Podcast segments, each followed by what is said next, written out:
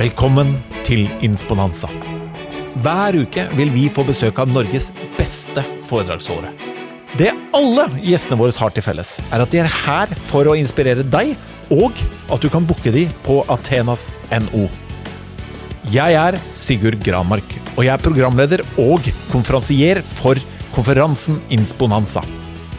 Mer informasjon og billetter finner du på athenas.no. Velkommen til Insponanza. Dagens gjest eh, kan jeg på ja, uten forbehold si han har reist mer enn deg. Han har sett flere land enn deg. øh, Og i dag kommer du til å få vite alt du ikke visste at du trengte å vite, alt du trenger litt å vite om det å reise. Han har vært i, eh, både journalist og på den tekniske siden i NRK i over ja, en mannsalder. I uh, januar tok han det store skrittet og tok seg permisjon i 15 måneder. Han har kommet med en bok som vi skal komme innom, og det finurlige med hvordan den boka endte om Norge. Men Gunnar Garfors, velkommen til Insponanza. Hjertelig takk. Kjekt å være her. Ja, og jeg syns det er veldig gøy å ha deg her, fordi du har jo du har i alle land i verden to ganger, og det har det sikkert eh, mange spurt deg om og syns har vært veldig rart. Men hva eh, Morten og jeg snakka om før du kom, og da sa Morten hvorfor to ganger? Ja. Nei, eh, altså det er vel ingen land i verden som fortjener å bli besøkt bare én gang.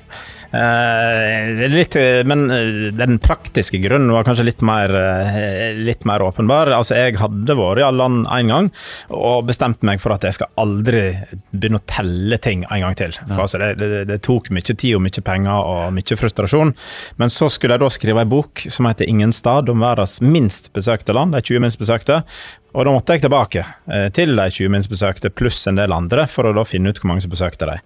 Og da begynte jeg å telle, og så at jeg mangler bare 30 land på å ha besøkt alle to ganger. Og, og da, Jeg har et eh, litt heftig konkurranseinstinkt, og, og, klarte da ikke å si nei til meg sjøl, og da ble det alle land eh, to ganger. Og hva er, hvis du sier at du har litt konkurranseinstinkt eh, er det noen verdensrekord? Er det en som har besøkt alle land i verden tre ganger? Vet du, hvor, hvor ligger du på lista? Ja, nei, der er jeg, jeg er den første som har gjort det. Uh, og ty, antageligvis den eneste. Eh, og verdensrekorder, hvis jeg sier du tok opp det, eh, jeg har vel ti av dem. To eh, er anerkjent av Guinness, og så er det noen World Record Setter-rekorder. Um, så jo da, jeg liker verdensrekorder. Hvem er, hvem, er de to som Hvilke er det som er i Guinness? Det er Jeg var da den første og raskeste som da har besøkt fem verdensdeler på én dag. I lag med en uh, filmfotograf fra Storbritannia. Uh, og så er jeg i lag med to eh, nederlendere. Den som har reist raskest jorda rundt med rutefly innen de seks bebudde verdensdelene. Såpass, ja. Så det er ganske teknisk rekord. Ja, ja, ja. Hvor lang tid brukte du på jorda rundt? Det var jo Eh, noen ja, som sa 50 72 dager en gang. Men. Ja, 56 timer og 56 minutter endte vi opp på. Så, så vi knuste den forrige rekorden, som var på 3-64 timer. Men uh, dette er jo litt uh, finurlig. Altså, vi prøvde å ta denne rekorden uh, en gang tidligere. Bomma på det siste flyet med 1 12 minutt. Eh, og, bare, og da ble jeg så forbanna. Det her må jeg bare Jeg kan ikke Gi meg nå. Så da var det på, tilbake på tegnebrettet og fant ut at nå har jeg funnet ei bedre rute, raskere rute. Problemet med den ruta var at da måtte jeg begynne i Sydney. Så måtte jeg reise halve jorda rundt, for å reise hele jorda rundt, for å reise halve eh, jorda rundt hjemme. Så spesielt klimavennlig var det ikke. eh, Så den, den tar jeg i mitt klimaregnskap. Det gjør jeg. Ja, det får du bare stå for. Og apropos når du sier klimaregnskap. Vi har jo blitt både kjent med NRK og NRK-lønninger og alt den siste uka. Når vi sitter her og spiller inn, så har vi en eh, liten uh, tid etter uh, NRK har rettssak med Line og alt dette her. Så har, da har vi jo både sett kompensasjoner for de mest frontede og alt mulig hvordan livet i NRK er. Du har jo jobbet der, men jeg tror ikke man tjener ti millioner i året der. Men at du har brukt noen millioner på å reise. Hvordan finansierer man sånt? Får du sponsorer, eller? Nei, det har jeg ikke. Ja, på noen sånne verdensrekordstunts har jeg fått sponsorer, men altså ikke på de vanlige reisene. Da har jeg finansiert det ved hjelp av NRK-landa mi. Så med andre ord deg som hører på, du som lisensbetaler, så jeg må bare si tusen takk. Eh, men da går det på prioriteringer. Altså, jeg kjøpte leilighet i Oslo for ja, 21 år siden. Da var prisene langt eh, lavere enn de er nå, så jeg har bodd billig. Eh, brukt alt, alt jeg har tjent på å reise, og, og ikke så mye på, på fine klær og luksuriøse biler og designerting og tang. Det har jeg nedprioritert. Til dere som ikke ser Gunnar, da, så er han eh, fin i tøyet, altså. Ja, tusen takk. Absolutt. uh, har du familie, eller? Ja, ikke, og jeg har ikke unger. Det, og det er jo en annen grunn til at jeg har hatt råd til det her. holdt Jeg på å si. Jeg har fått lov til det her. Jeg har, har kjæreste, men ingen, ingen unger. Okay. Det hadde nok blitt litt vanskelig, selv om det er flere som, som har reist med unger. Eh, En dansk kamerat av meg han eh, er gift, og de har to unger. Og ungene har vært i henholdsvis 190 land eller noe sånt, inkludert, uh, inkluder, ja, Jemen, da vil ikke han ta det med, men, uh, men inkludert en del av Afghanistan, eksempel. Der tok han med ungene. Så det er mulig, eh, hvis du planlegger. Og, og, jeg er egentlig helt enig i hans filosofi. Han sier nei, så folk er folk. Og det er det jeg ser når jeg er ute og reiser. Uansett hvor du reiser, så, så er folk kjempeimøtekommende. Veldig gjestfrie. Og, og så lurer de gjerne på hva i all verden gjør du her i mitt land, i mitt særland som ingen andre kommer til. Eh, Men så kan, eh, så kan det selvfølgelig være uheldig, men det kan være like godt være uheldig i Oslo eller i New York eller i, i, i Paris og komme i kontakt med feil folk, som i Jemen eller Afghanistan eller Iran eller hvor det måtte være. Og, ja, apropos Iran, det er kanskje de, de mest imøtekommende gjestfrie mennesker jeg har truffet i hele mitt liv. altså der alle er kjempeinteresserte i deg. Eh, nå snakker ikke om lederskapet i landet, for der er det ei stor kløft, men på, på vanlige folk som bor der. Ja, det var jo en politiker også som kom hjem derfra og fortalte samme historien. Ja. Han burde kanskje ikke reist dit. Nei, det kan, det kan du si. Ja, men, men ja, og jeg har veldig lyst til å komme tilbake til folk og det du har møtt på. Men jeg tenkte, mine forberedelser til dette her, så tenkte jeg vi skulle starte med Jeg tror at du er en skjult skatt når det gjelder å søke opp billige flybilletter.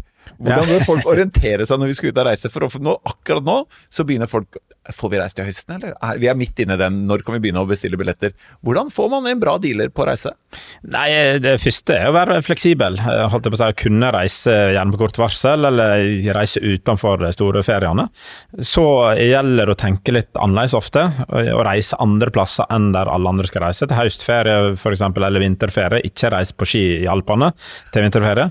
Um, og så er det bra å bruke søkemotorer, f.eks. kajakk.no eller skyscanner.no eller finn.no, eh, for da søker du på mange flyselskap samtidig. Men i tillegg så er det sånn at hvis du skal reise fra Oslo til en annen plass i verden, f.eks.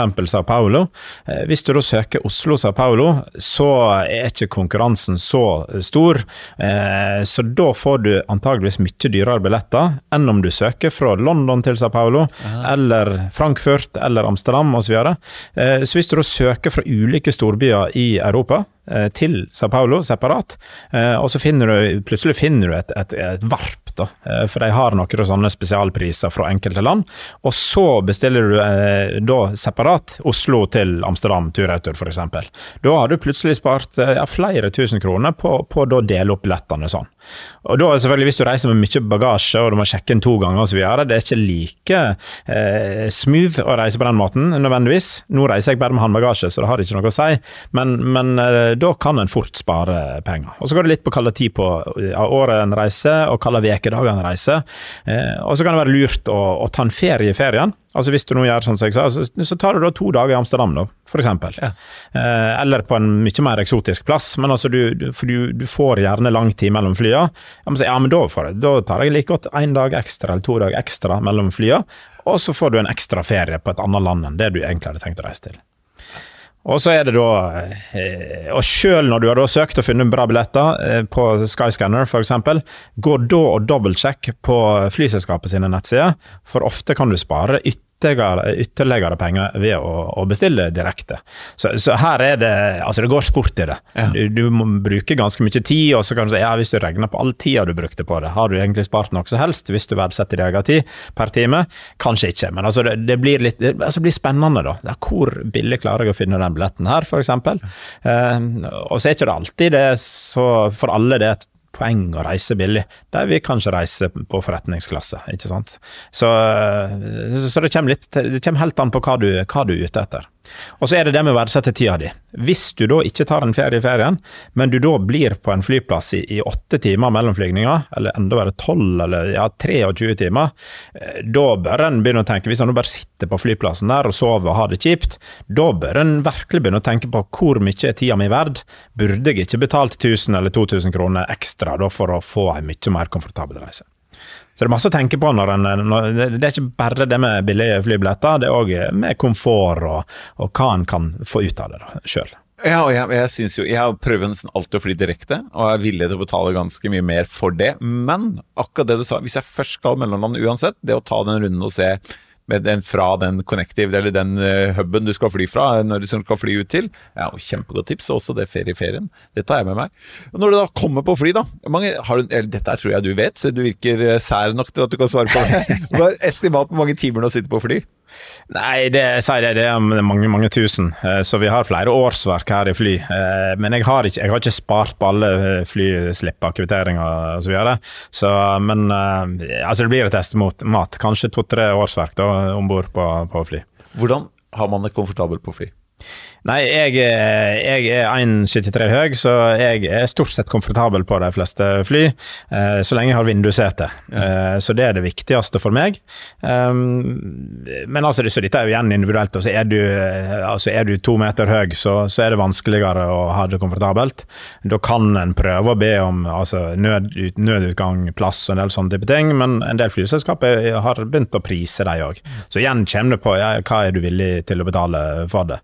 Så drikke vann, eh, og, um, ja, og så sov jeg lett på fly eh, etter hvert. Det gjorde jeg ikke før, men eh, nå har jeg blitt godt vant, holdt jeg på å si, lært meg opp til det.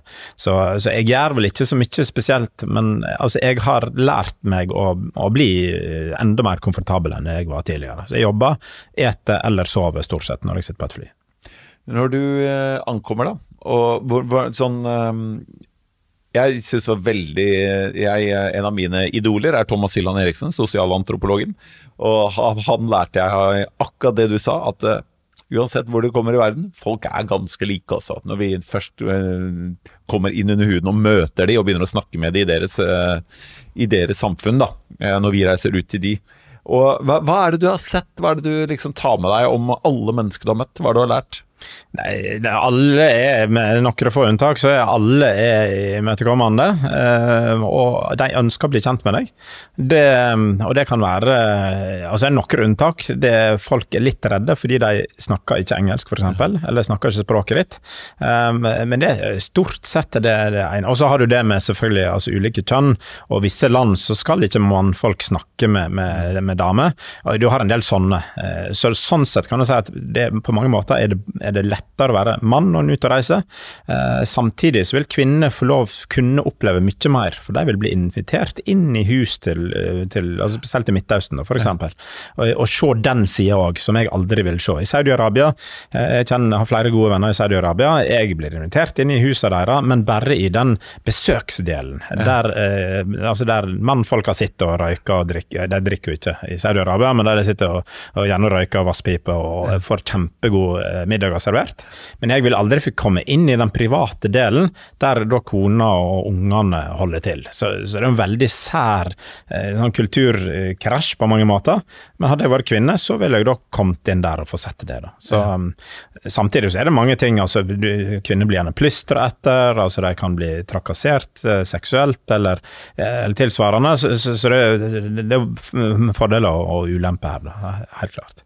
Men, men det er det, og, og med å snakke med folk, og det å å, ta folk på alvor, være audmyk og bare vite at jeg er, eh, jeg er gjest i ditt land din kultur, eh, og være helt åpen for det. og Bare være helt klar over at ja, du kommer til å gjøre masse feil, men, men være ok, hvis du skjønner at du har gjort et eller annet du ikke skulle, så, så unnskyld det uforbeholdent. Eh, og det å smile mye, Altså et smil, altså selv vi på vestlendingene, eh, vi, et smil er gratis. Men det åpner ufattelig mye, mange dører. Eh, og så er vi igjen da i Norge, vi er veldig sjenerte. Eh, og det blir oppfatta som om vi er frekke ikke arrogante, det at vi er sjenerte i utlandet. Eh, så det å bare prøve å riste litt av den der og si ok, men selv om du er sjenert, det går an å smile. Ja. Eller så går det an å si, eh, si hei, eller så, ja, hva er klokka, f.eks. Og så finne på et eller annet sånn teit spørsmål, bare for å komme i gang. Og med en gang så har du, har du senka den barrieren, den dørstokken, enormt. Eh, og da blir du plutselig invitert hjem til folk, på, med på, på stranda, eller med på fjelltur, eller, eller hva det da måtte være. Og da får du ei helt annen opplevelse oppleving der ute enn om du reiser som vestlig uten å, uten å se noe annet enn hotellresepsjoner og, og kanskje eh, restauranter, du ser noen folk på gata osv. Det ser jeg. Veldig mange av oss vi reiser i lag med andre vestlige. Vi bor kanskje på fine, flotte vestlige hotell ute, og der går vi så hører vi at ja, vi vil, hvor skal vi gå i byen? Nei, nei, det er farlig. Bare vær på hotellet. Her er det fint, her er det trygt, her er det luksuriøst. Så sier jeg ja, ok, så gjør vi det, men du opplever absolutt ingenting. Eh, og, og, I tillegg så går pengene til en vestlig eier, i stedet for at du er med og stimulerer den lokale økonomien. Så det, det, det, er masse sånne, sånne ting som en, en, gjerne kan tenke på når en er ute. For det første, hva vil en få igjen sjøl av den reisa? Vil en lære noe om kultur, om land? Vil en se ting? Eh, eller skal en være dit for å ta et Instagram-bilde og, og, få masse likes av, eh, si, av andre vestlige her hjemme? Hva er Gode innspill, og ikke minst også der, hvilken økonomi er du med og stimulerer. Hva er det du eh, Har du hatt noe som mål? Er, er, det, er, det driv, er, det, drivkraften på å reise, eller er det drivkraften å møte andre mennesker, eller er det kombinasjonen? Hva, hva, driver deg når du er på tur? Nei, Jeg liker å bli kjent med andre mennesker, og, og på den måten lære om kulturene deres. Samtidig så, så, liker jeg å bare gå rundt og suge inn inntrykk, eh, og, og bli, ja, altså bli, kjent. Det er egentlig det. Og så selvfølgelig det, det å reise reise, men altså, ja, hva er å reise? For meg er reise det å, å bli kjent med folk. Og, eh, og selv med, altså, jeg, har, jeg er sikkert en av de få som ikke har noe imot flyplasser og fly og den biten av reise heller, men det blir helt meningsløst bare å drive og flyge rundt eh, hvis jeg ikke har en, en premie ja. i enden. altså Da skal jeg få lov til å oppleve noen andre, andre sitt eh, land, sin annen kultur, eh, og, og, det hjelper meg til å bygge meg sjøl òg. Mm. Jeg lærer ufattelig mye om meg sjøl med å reise. Lærer selvfølgelig mye om de landene jeg reiser til. Og ikke minst det der hvis du reiser utenfor den vestlige bobla, eh, som, som, er Europa, Nord-Amerika, Japan kanskje, Australia osv. Eh, og der du da skjønner at ja, men de har ikke engang hørt om Norge. Nei. Og de ser på seg sjøl som verdens navle, akkurat sånn som vi gjør det hjemme. Alle gjør det, og så kommer vi der og så innser vi at men de, de, vet, har ikke hørt om Norge, de har ikke hørt om Europa engang. Og er de, er de helt idioter. Nei, det er de ikke, men de har et helt annet verdensbilde. Og, og det å få den litt i trynet og, og, og tenke rundt det, det, det er verdifullt ja. for meg. Eh, ja, og det, altså, det, er kjempespennende det perspektivet. Jeg har aldri hørt om Norge, og faktisk ikke hørt om Europa igjen. Nei. eh, og, men når du, når du, treffer folk hva, eh, jeg, jeg, kommer til etterpå å spørre deg om fineste sted, reisetips og alt dette her. Men hvilket folkeslag har fascinert deg mest? Hvis det går Eller nasjonalitet eller folkeslag. Hvor er du blitt mest fascinert av enten noen tradisjoner skikker som på en god måte har gjort deg uh, Enten at det er lett å bli inkludert, men at du virkelig blir uh, Dette her kunne jeg tenkt meg både sett mer av og vært en del av. Ja, nei, så Det er vel ingen land jeg ikke kunne tenke meg å se mer av. Men, men altså Afghanistan, eksempel. Det, var, det tok to dager, så vi inviterte i bryllup. Ja. Uh, og det var sånn vi, skro, vi reiste som backpackere og prøvde å skrote sammen noen skjorter og noen sånn halvsvarte sko. for å prøve å passe inn. Uh, og plutselig så går det to dager til, og nei, så, så er ikke vi invitert lenger. Og så, og så, spør, vi, og så spør vi hva, hva skjedde, og det vil jeg egentlig ikke si, men vi klarer nå etter hvert å finne ut at nei, altså mora til brudgommen har blitt drept i et bombeangrep. Eh, så da er bryllupet utsatt. Og det hadde ikke de lyst til å fortelle oss, for det, altså det sa mye om landet deres. Vi var egentlig gjester, og hedersgjester, vi var de eneste utlendingene. Eh, så det får jeg virkelig eh, til å skjønne altså, hvor heldige vi er vi bor i Norge, men òg hvilket land vi da snakker om, og hvordan mange må leve. Og at det her er, altså det, det er en del av virkeligheten der. At plutselig så, så blir noen drept i et attentat mm. eller en bombeeksplosjon. Uh, men, men, altså, det, det, det, var så fint, for vi ble altså, Det fine med det var selvfølgelig ikke at, at hun ble drepen, men det var at, altså, hvor spontant og hvor naturlig det var at vi ble inkludert i en av de fineste stundene til, til den familien. Eller det som skulle ha vært det. Um, og jeg ser samme, jeg var litt inne på det med, med Iran, men også Midtøsten òg, og der er det så stor forskjell på eh, styresmaktene som, eh, kjører, som fører ulike politikker. Mange av dem bruker religion som en, må, som en kontrollmekanisme på for å kontrollere befolkninga, men, men folka som bor der, altså det blir noe helt annet. Og den gjestfriheten en, en møter da, ja f.eks. i Jemen eller Iran, som jeg var inne på, Saudi-Arabia, eh, Kuwait, det, det er helt, eh, helt, ufattelig tøft, altså. Så har du helt annen, et helt annet Mongolia.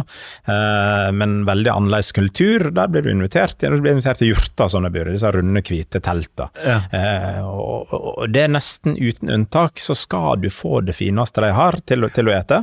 Eh, du blir invitert, og de lager stor, fin middag, og så vet du at de har nesten ikke penger, eh, men de er så stolte over å få deg som gjest, eh, at ja, da da gjør de hva som helst. Og Dette er Afghanistan igjen, men da ble jeg invitert hjem til, til en familie. Eh, og hadde med meg en som heter Bilal, som, som journalist, var journalist i BBC World tidligere, men han er fra, fra Kabul.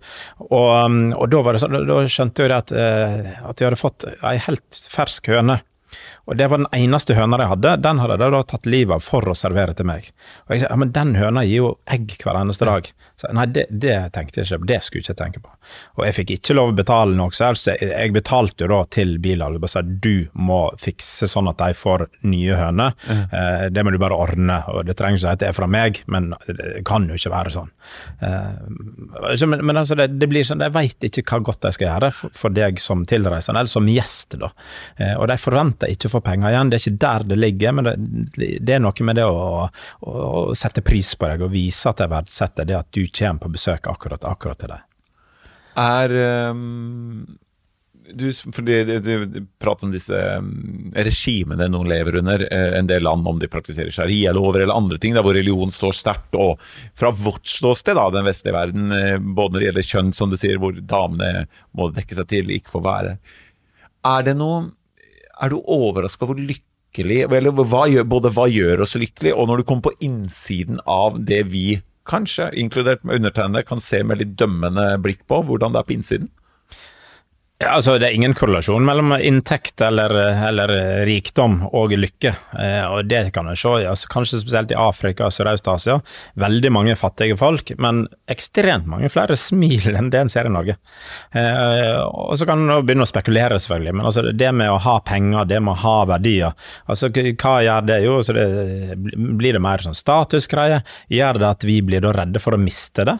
Mens hvis du har ingenting, eller iallfall nesten ingenting, og så lenge du har mat og drikke, og, og kanskje en eller annen form for husly, så eh, da lever du i nuet. Altså, det er ingenting som blir tatt fra deg. Nå bare spekulerer jeg, altså, men du, du, Ja. du Og da blir kanskje vennskapene mye viktigere. Altså relasjonene mellom folk blir viktigere. Du er akkurat lik alle de andre. Du har ikke den ekstra eh, holdt jeg på å si, den ekstra Mercedesen eller den ekstra dressen av et riktig merke, eller hva det nå måtte være. Men her går alt på relasjoner i, i, i stedet for. Eh, Jeg veit ikke, men altså det, det, jeg, har, eh, jeg, jeg ser mange flere som smiler eh, utenfor den vestlige verden enn i den vestlige verden.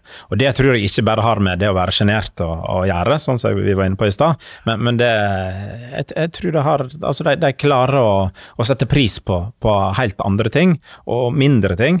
Det må ikke være noe du, du sparer til to eller tre månedslønner før du kan få råd til, f.eks. Ehm, har du, eller det antar jeg jo da, eh, noe jeg som alltid har fascinert meg, både når jeg ser når jeg tenker på tidligere generasjoner, og ikke minst når jeg ser det en sjelden gang på om det er National Geographic eller andre, de som fortsatt har tradisjonene å sitte rundt bål på kvelden.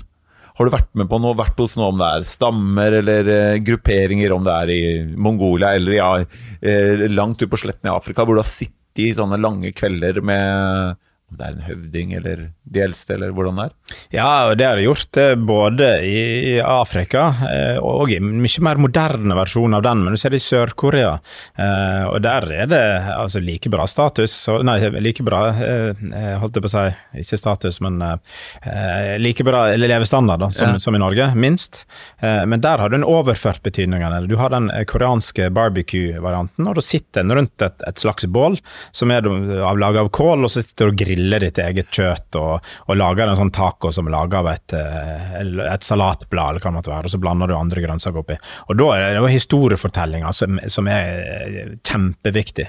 Så, eh, og dette kan en òg se i, altså i Lappland, si, eller altså i, Finnmark. Finnmark. Ja. hvis du da sitter i samiske tradisjoner og eter i lag med samer, mye av det samme, sitter rundt bålet. Og så selvfølgelig òg i, i Afrika, blir invitert, eller eller har blitt invitert i ulike land. altså Fra ja, Botswana, eh, Namibia, eh, Eritrea. og Det er den der altså, historiefortellinga som går igjen. Du skal, du skal fortelle om deg sjøl, og du får selvfølgelig historier tilbake. Men, men, men det, det, er veldig fascinerende. altså du, du, har en slags stafettpinne som går rundt bålet i form av, av historier. Og veldig ofte så er det sånn at veldig mange som ikke snakker engelsk, og jeg, det, er veldig få afrikanske språk jeg snakker, jeg snakker ingen. men, men, da får du gjerne en ung person, 12 år, 15 år, 17 år, som kan engelsk, iallfall litt engelsk, og vedkommende blir opphøga, eller statusen blir opphøga, for plutselig er han eller hun tolk mellom da meg eller høvdingen, uh, og du bare ser hvordan de lyser opp, og de, bare, de merker hvor uh, verdifulle de plutselig føler seg, på grunn av at de klarer å oversette det det er helt, helt magisk da, å være med på, eh, på sånne type ting. Da. For det, ja, bare Kort observasjon på det. Det ser jeg jo også i næringslivet. At når du jobber i internasjonale selskaper, hvor du kommer eh, enten på besøk folk fra um, enten andre land eller hovedkontor, da, som da er utenlandsk, eller når vi er og besøker, drar på tur, drar på samlinger, kickoffs eller et eller annet. De som behersker språket godt, får en helt annen posisjon mot de vi besøker, men også statusen innad i egen gruppe men som normaliseres litt når vi kommer tilbake igjen hvor alle snakker norsk, for de som er dårligere i engelsk eller det er tysk eller hva man snakker, eh, tar tilbake posisjonen sin.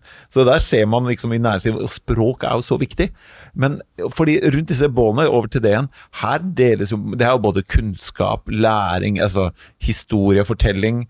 Og um, kan du huske Er, er det noe sånn hva, eller, Nei, det er ikke det. Det jeg lurer på er Hva sier du? Når de spør 'hvem er du, og hvor kommer du fra'? Hva, hei, jeg heter Gunnar, jeg kommer fra isbjørnland, eller?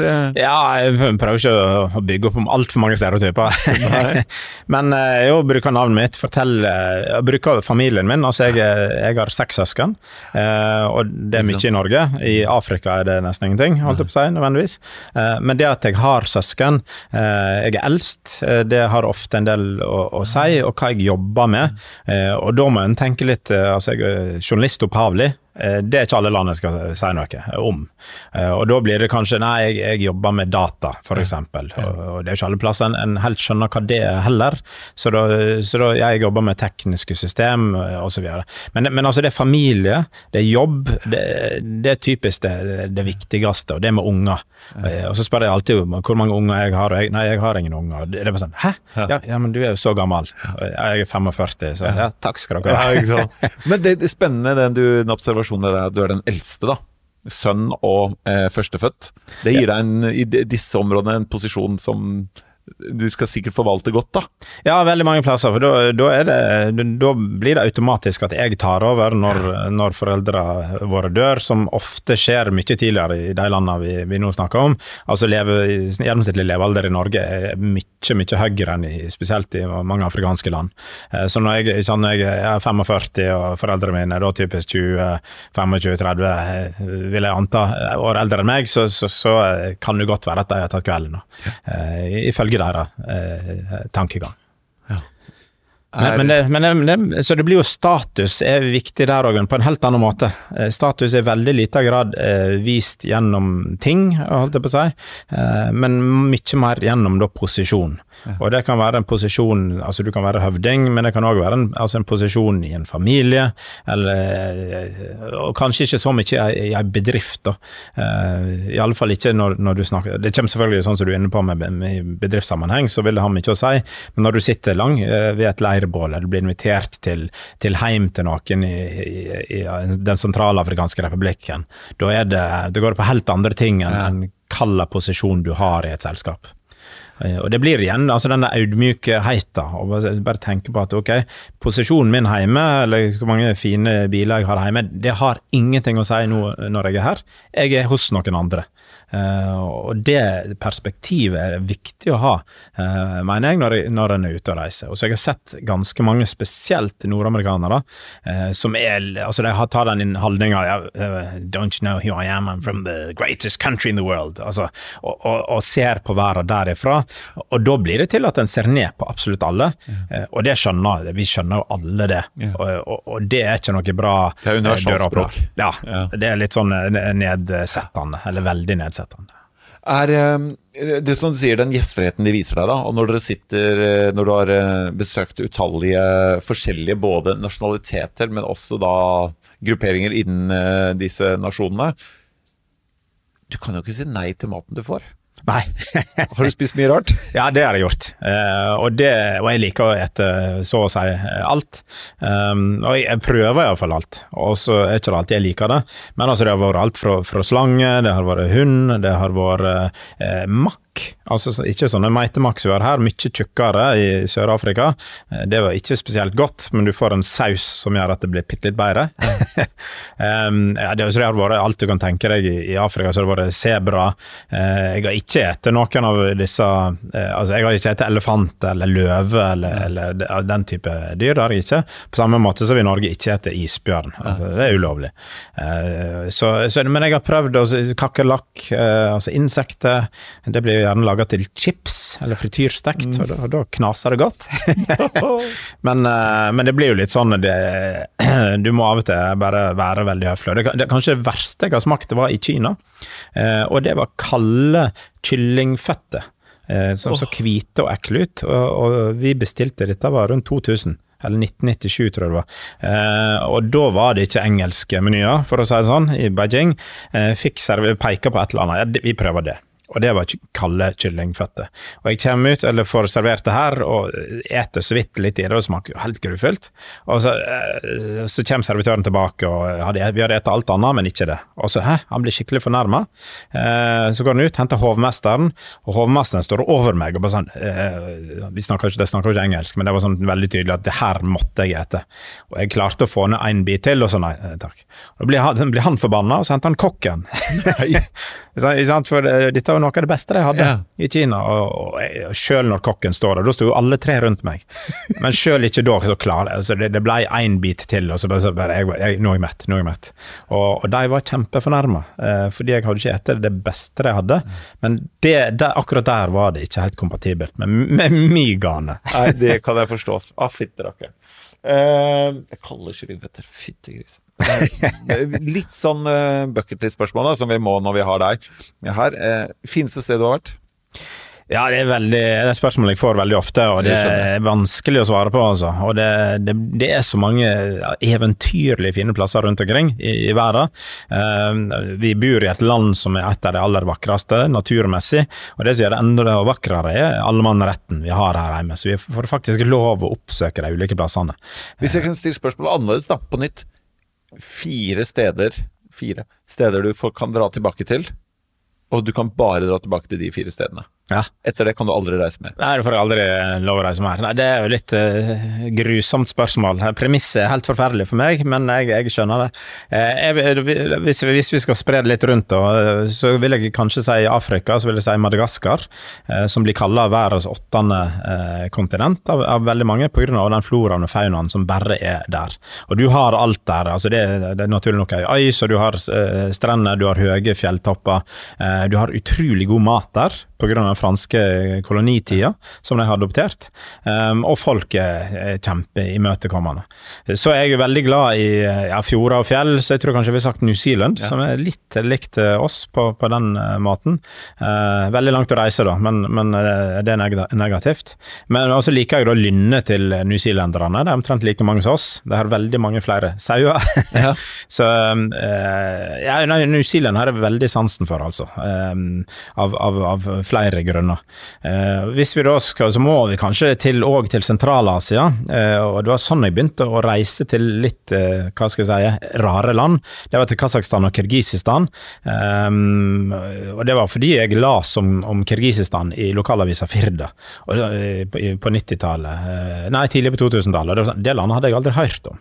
Og så fant jeg ut at det må vi oppsøke, og fikk med bror min og, og reiste, reiste Men om jeg skal si, jeg tror kanskje jeg ville da sagt eh, Kasakhstan, eh, som er et, eh, et, veldig flott land. Verdens niende største land. Um, har, Ja, det er enormt. Uh, og du har steppe. Det, ingen, det er verdens største land uten hav. Uh, det grenser til Kaspiske hav, men det, det er jo en innsjø. Mm. Um, og de har veldig flotte fjell. Uh, det som er negativt, er at favorittdrikken deres er hestemelk. Og, mm. Fermentert hestemelk. ikke prøv det. men et veldig flott land, og, det, blir, det, er så få turister der. Du føler deg så godt tatt imot. Um, og vakre fjell og ja, stepper som, ja, som, er uendelige, som du kan fort bli litt lei av, kanskje. Men likevel, et bra land. Og så kan, kanskje du òg skal si um, Chile. Uh, så Du skjønner jo litt det når du spør om, om flotte land, og det mm. naturmessige er viktig for meg. Um, og Der òg har du uh, altså du har enorm variasjon. Det er veldig langt og tynt land.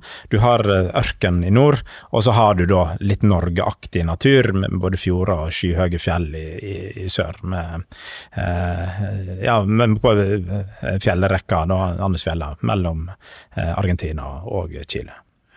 Madagaskar, New Zealand, uh, Kasakhstan og Chile. Personlig spørsmål, bare. Jeg har hatt lenge lyst til dra til, siden vi er i uh, Syd-Amerika, da. Costa Rica, hva ja. syns du? Ja, det er Nord-Amerika, men, men, ja, ja, ja, ja, det, ja, det går jo Nord-Amerika. Unnskyld. Mellom-Amerika. Jo, det er et kjempe, kjempeflott land. Eh, jeg vil eh, Det eneste problemet der at det har, ikke akkurat nå i pandemien, men det har blitt veldig turistifisert i det siste. Så da eh, ville jeg da reist på østsida, altså mot Det karibiske hav. For på vestsida så er det i stor grad veldig mye amerikanere som, som reiser. Det er en egen charterflyplass helt i nord, og det gjør at prisnivået er veldig mye høyere. Eh, de er vant til turister, og, du blir gjerne behandla deretter. Ja. Men hvis du reiser da på østsida, så er det helt noe annet. Mye færre turister, og varmere i havet hvis du vil bade. Flotte strender og, og fine øyer. Costa Rica, helt uh, utrolig rått. Altså. Så vil jeg kanskje kombinert det da med, uh, med Nicaragua i nord, som er fortsatt langt mer uberørt og turistmessig enn Costa Rica. Bra tips. Eh, nå har vi vært eh, over hele verden, bortsett fra i Norge. I eh, Du hadde tenkt til å Eller du tok deg 15 måneders permisjon fra NRK. Du skulle skrive en bok som het Ekvator. Eh, eh, dette er jo da Jeg bare siterer det Gunnar sa til meg tidligere.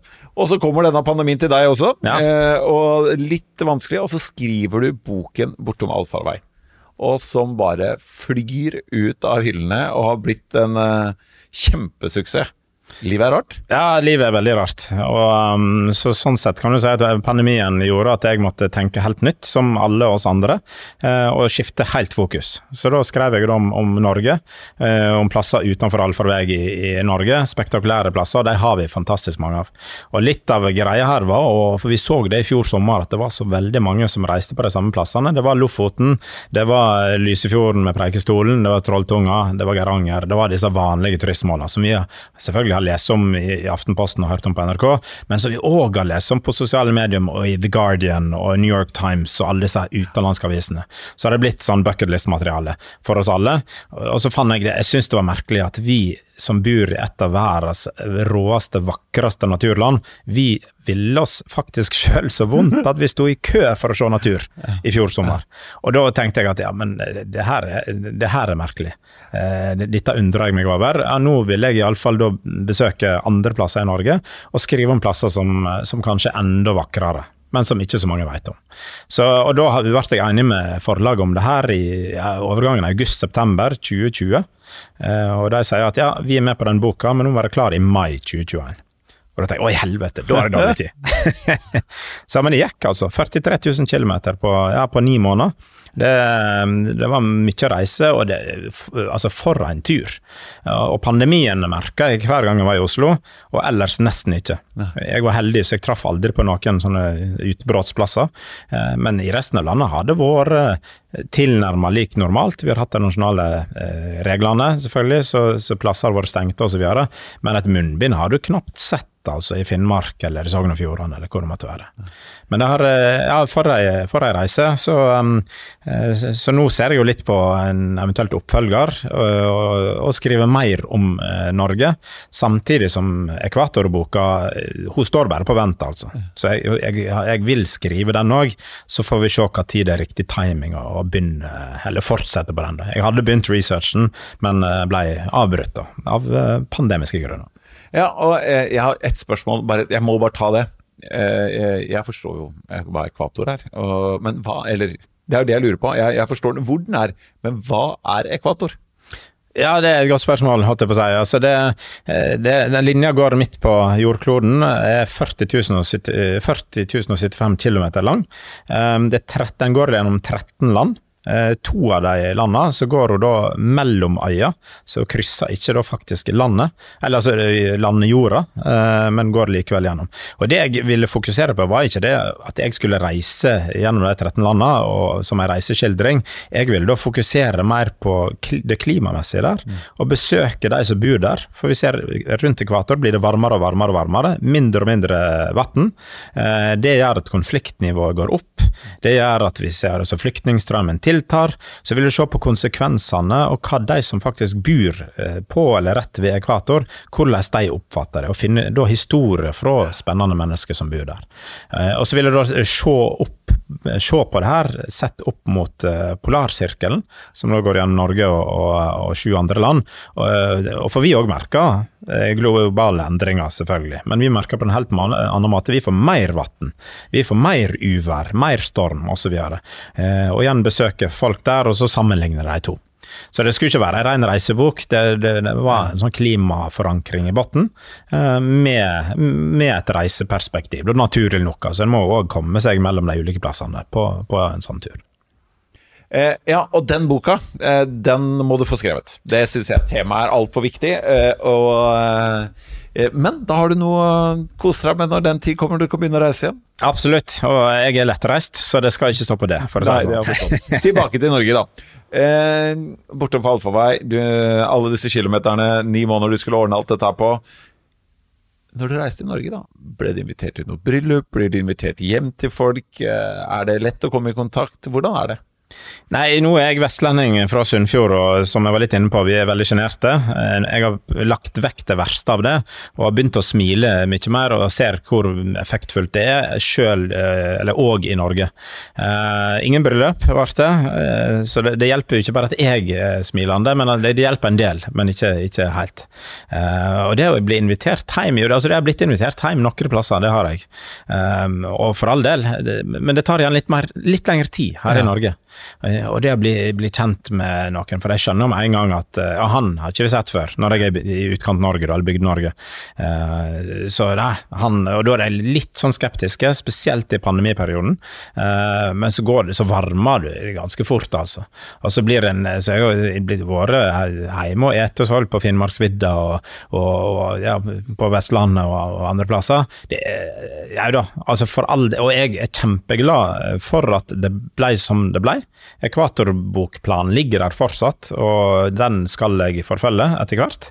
Eh, og samtidig så ble jeg òg litt sånn kasta ut, ja, reise mer i Norge. Jeg har reist mye i Norge, født i Hammerfest, eh, far min er fra Narvik, mamma er fra Haugesund, oppvoksen i Sunnfjord i Naustdal, og bor i Oslo og har gjort det i mange år. Så jeg, så jeg, har reist og sett mye av Norge, men ikke på langt nær så mye som jeg har gjort bare det siste året. Og det ga virkelig mersmak, altså. Og det jeg tror vi kommer til å se nå framover, eh, eh, mange av oss er sultefòra på å reise og kommer til å ta første fly ut av eh, landet. Eh, samtidig så tror jeg at flere av oss vil da ta helgeturer rundt omkring i Norge. Altså kanskje ta en helg helgetur til, til, Ålesund, eller en tar det til Tromsø eller, eller, Kirkenes. Og vi begynner å se at det, det er masse bra eteplasser, eh, verdensklasserestauranter rundt omkring i Norge òg. Eh, så tar vi turer her, og så reis, dropper vi kanskje helgetur til New York og, og, til London i større grad. Så jeg tror vi kommer til å reise litt mindre enn, en før. Enkelte kommer ikke til å reise mer. Altså de, de kommer til å ha det i ryggmargen, det med pandemien og den redsla for å reise. Så, så den reaksjonen tror jeg kommer til å vare ganske lenge. altså. Ja. Uh, men når du har reist i Norge, da. Uh, disse leirbålene som er samlingsplassene, om vi er i uh, Afrika eller som du sa i, uh, i, i Asia. Hva er Kall det leirbålene i de samfunnene du har besøkt. Hvor starter du for å tenke at er det sånn liksom, alle har en kinarestaurant. alle har det. Er det den en lokale kafeen? Hvor går du for å finne historien og møte folk? Nei, da går det på samvirkelaget, eller da Coop-en, som Ja. det stort sett har blitt. Eh, Så noen plasser er det Jokeren, og noen plasser er det videre. Eh, Det er som oftest der. Eh, Og så har du andre plasser, så er det en liten kafé. Men på småplasser så er det ikke så mange kafeer. Men du har i småbyer, så, så er det gjerne én eller to kafeer. Og så det gjelder å finne hva er det folk samles på. Hva av de to er det de samles på. Eller så er det en, en restaurant, eller så, så, så, det, så kan det være ei kirke til og med, da. Men, men, eh, det er som vanligvis, så, så er det der du går fra dag til dag, og, ja, Coop-en er eh, som regel svaret. Ja, og det er, eh, overrasker meg ikke, for det, det, jeg, jeg, jeg interessert i handel generelt, og, og, og, og næringsliv og det påvirkningen det har på livene våre. Og dagligvares, dagligvarebutikkenes funksjon når du kommer ut, langt utenfor eh, Oslo-gryta og de store byene, er en helt annen funksjon. Og eh, hvordan de må, må rigge butikken også som et samlingssted. Da. Og når du har reist rundt og, og møtt folk der, hva er vi opptatt av i Norge, bortsett fra pandemien? da? Hva, hva er trekkene, hva har du sett? Nei, det er, det er været, og det er det som skjer i lokalmiljøet, og det er lokaltilstelninger, og eh, så det sentrerer seg om og rundt dagliglivet. Og jeg kan jo si, altså en, en butikk eh, på Røver, eh, som er et øysamfunn utenfor Haugesund, det ser ut som det uttales Røver. Det har jeg alltid sagt, selv om mor min kommer fra Haugesund, men du skal uttale sånn cirka Røver. Eller Røver. Ja. Eh, og den butikken der, det har verdens beste navn, altså AS, det heter Røverkjøp. Som, som, som, eh, og, og det er en sånn bitte liten butikk, og så er det ca. 100 fastboende der. Eh, og, og så der samles folk, ikke sant. Og det er rett ved sida av der så går hurtigbåten inn til Haugesund, til og fra Haugesund. Eh, og, der er det plakater, og det er der de utveksler info og møtes for en kaffe, og, og så videre. Så det er kanskje sånn erke eh, eksempel på altså en så liten plass, men like, altså det er den butikken, det er der du da treffes. Selv om de har, eh, altså det, de har et lokal, de bruker det til kirke, ja, gudstjeneste, de har skole, eh, men nei, butikken. Jeg har um, ja, Sånne som lokalsamfunn syns jeg det er, det er noe flott over det, fascinerende over det. Og også den kampen vi har både for å kjempe at det skal bevares og alt dette her. Um, jeg eh, Nå er folk en fire til seks uker unna eh, sommerferie, litt avhengig av når de går ut, da. Eh, til, og, og mange har vært veldig usikre, mange vet ikke helt hva de skal. Hvor bør de dra? Og jeg er jo helt enig med deg. Jeg fascineres også av at vi trenger å gå i kø i ferien for å ta bilde av noe vi har sett på Instagram 14 dager ganger, i hvert fall den samme dagen. Hvor bør vi dra? Ja, eh, jeg er helt enig. Og, og ikke, du får ikke det samme bildet uh, sjøl, for eh, det er altfor mange turister i veien til at du får det samme bildet. Så, som gjør det enda merkeligere at folk reiser dit. Eh, jeg eh, mener det er to regioner i Norge som er undervurderte, og det, det er Nord-Norge. Under halvparten av oss har vært nord for Trøndelag. Altså, det, det er nesten trist, altså. Så det vil si at under halvparten av oss har sett eh, Midnattssola, opplevd Midnattssola, eh, og det er langt bedre eh, muligheter da for nordlyset der òg, selv om vi av og til ser det her lenger sør. Eh, og så er det den ville naturen som er der oppe. Du har, så det, har det med Finnmarksvidda, du har eh, ugjestmilde klima. Eh, så det å reise dit på vinteren med mørketid osv. er enormt fascinerende. Jeg var oppe i Varanger nå i, i vinter, altså klokka 20 over 12, rett etter lunsj. Da var det mørkt.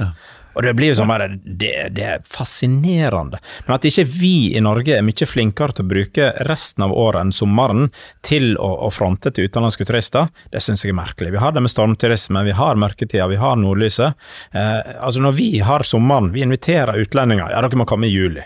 Altså, Men de syns jo ikke det er noe bra sommer med 23 grader Nei. og sol. Det er jo elendig. Ja. Men det er det vi tilbyr dem. De vil mye heller oppleve det spektakulære, eh, som er eh, skuldersesongene og, og midtvinters. Men, men det har, er det veldig få. Jeg ser det begynner å komme litt nå, men det er det stadig Det er noen flere som er i ferd med å se det. Det med stormturisme, nordlysturisme etc. Og så er det da Vestlandet som den andre regionen. Eh, kan si at jeg er inhabil, siden jeg, jeg kommer derifra.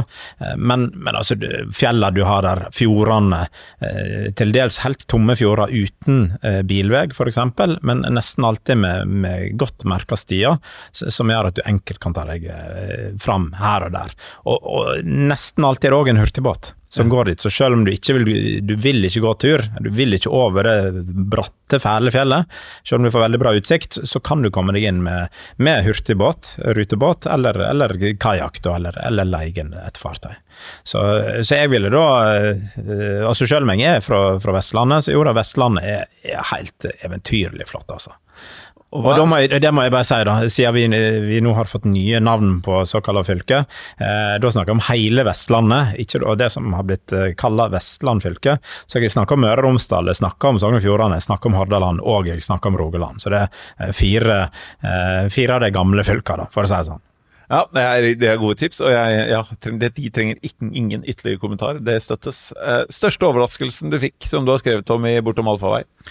Ja, Den største overraskinga, det er et godt spørsmål. Det må jeg nesten uh, tenke litt om. Altså, du, hadde, du har jo oppe i, i Sør-Varanger utenfor Kirkenes, så har, du, uh, så har du det som viste seg å være verdens eneste ishotell som er åpent året rundt.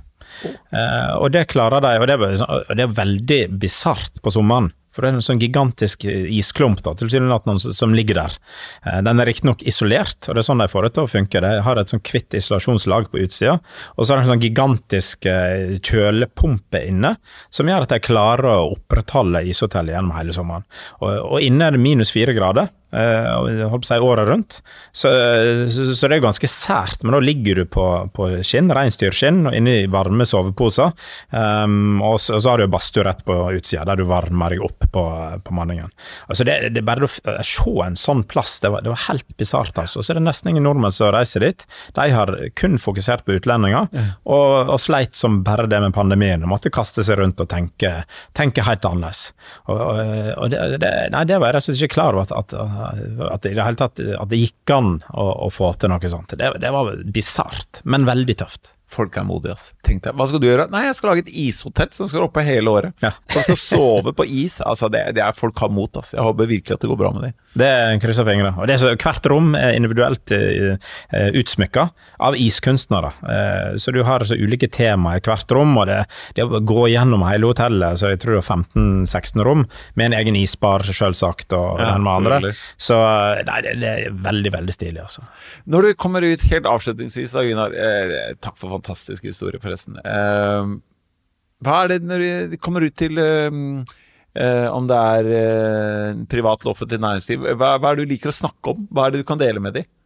Nei, altså nå har det blitt så mye altså det, det er stort sett reising jeg, jeg, snakker om, naturlig nok. Eh, men om det er utenlandsreising eller innenlandsreising, om det er mat det går i, om det er drikke Jeg er veldig glad i god mat og god drikke. Ehm, jeg liker altså jeg liker alt fra storbyer, jeg liker småplasser. Jeg er, som, som, du har skjønt, veldig glad i natur. Så, så det, det, tilpasser jeg veldig i samarbeid med de som, som spør. Eh, men erfaringen er at eh, de vil bare ha et eller annet som har med reise å gjøre. Så sier jeg ja, men hva vil dere ha, hva er spesifikt? Og da blir det sånn nei, men gjør det du pleier å gjøre. Så, så jeg er veldig, fleksibel, men da blir det sånn ja, men jeg, jeg, pleier å gjøre så veldig mye forskjellig. Ja. Så skal jeg da snakke om verdens minst besøkte land, skal jeg snakke om bortom allfarvei, skal jeg snakke om eh, ja, underutvikla land, skal jeg snakke om og, og så videre. Så det, det ulike, skal jeg snakke om de beste matopplevelsene, det, det, kan styres så mange ulike veier. Men det jeg liker, og det dessverre, og det ser jeg, jeg har reist og hatt foredrag i, i over 20 land på alle de bebudde verdensdelene. Eh, og det er ganske fascinerende, for i Norge eh, så kommer du inn, og så står du der og, og står på scenen, og så fylles lokalet seg. Folk setter seg i Norge alltid bakerst, eller midten eller bakover først. Hvis du gjør det her i Afrika, da setter de selvfølgelig fremst først. For de, skal, de er på foredrag, de skal ha de beste setene. Naturlig nok.